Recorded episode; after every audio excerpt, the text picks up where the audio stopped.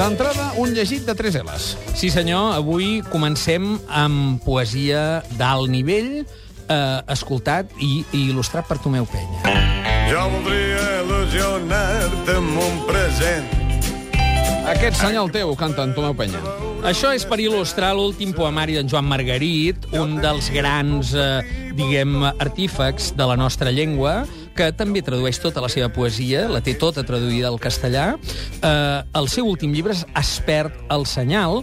És un... Eh, eh, en, diguem, eh, Margarit ha ocupat el lloc que tenia Martí Pol entre els lectors de poesia, hàbits d'una poesia clara, probablement popular, eh, amb connexió comunicativa. No? Cada nou llibre, i en aquests últims anys han sovintejat, és rebut i consumit amb avidesa. No? Mm, en aquest nou llibre, la veritat és que no presenta sorpreses, el Margarit de sempre, fidel al seu to més aviat greu, i la relació directa amb la biografia, que aquí la reforça una cita inicial de Josep Pla, en la qual diu, el prosista diu, que les biografies s'haurien d'escriure en vers. Eh, Margarit ho remata l'epíleg i diu, la poesia és una eina de gestió del dolor i de la felicitat. Doncs això, Mots clau? memòria, bellesa, claredat i també un gran homenatge, una gran entroncació en aquest llibre amb Joan Maragall. El rellegit ens arriba amb Chinese Blues de Travis.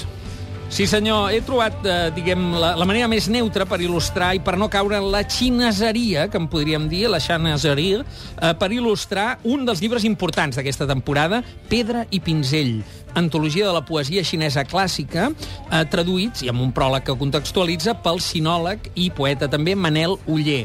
Una edició bilingüe, vol dir que tenim eh, eh, en xinès a mà esquerra i a pàgina dreta la traducció al català. Ho edita Alfa i és tot un luxe. A veure, ja ho explica en el pròleg Manel Uller, ella plega 74 poemes xinesos, però abasten més de 2.000 anys, eh?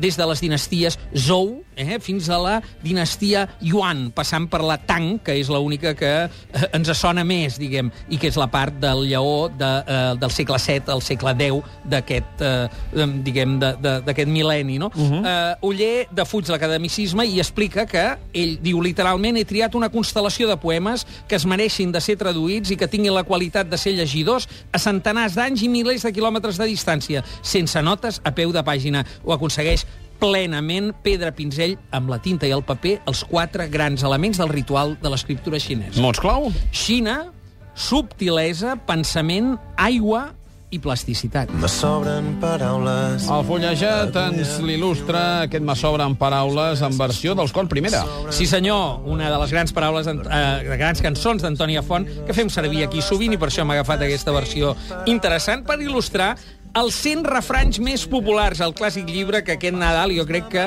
apareixerà en molts tions i en molts arbres.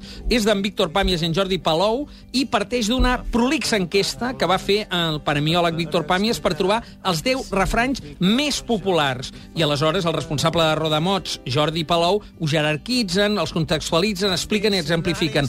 T'he de dir que el primer el que va sortir com a més popular de tots, no ho diries mai, Manel, és si no vols pols, No vagis a l'era? no vagis a l'era. I Pàmies, Víctor Pàmies es pregunta, quants dels que l'han votat han estat mai a la vida en cap era?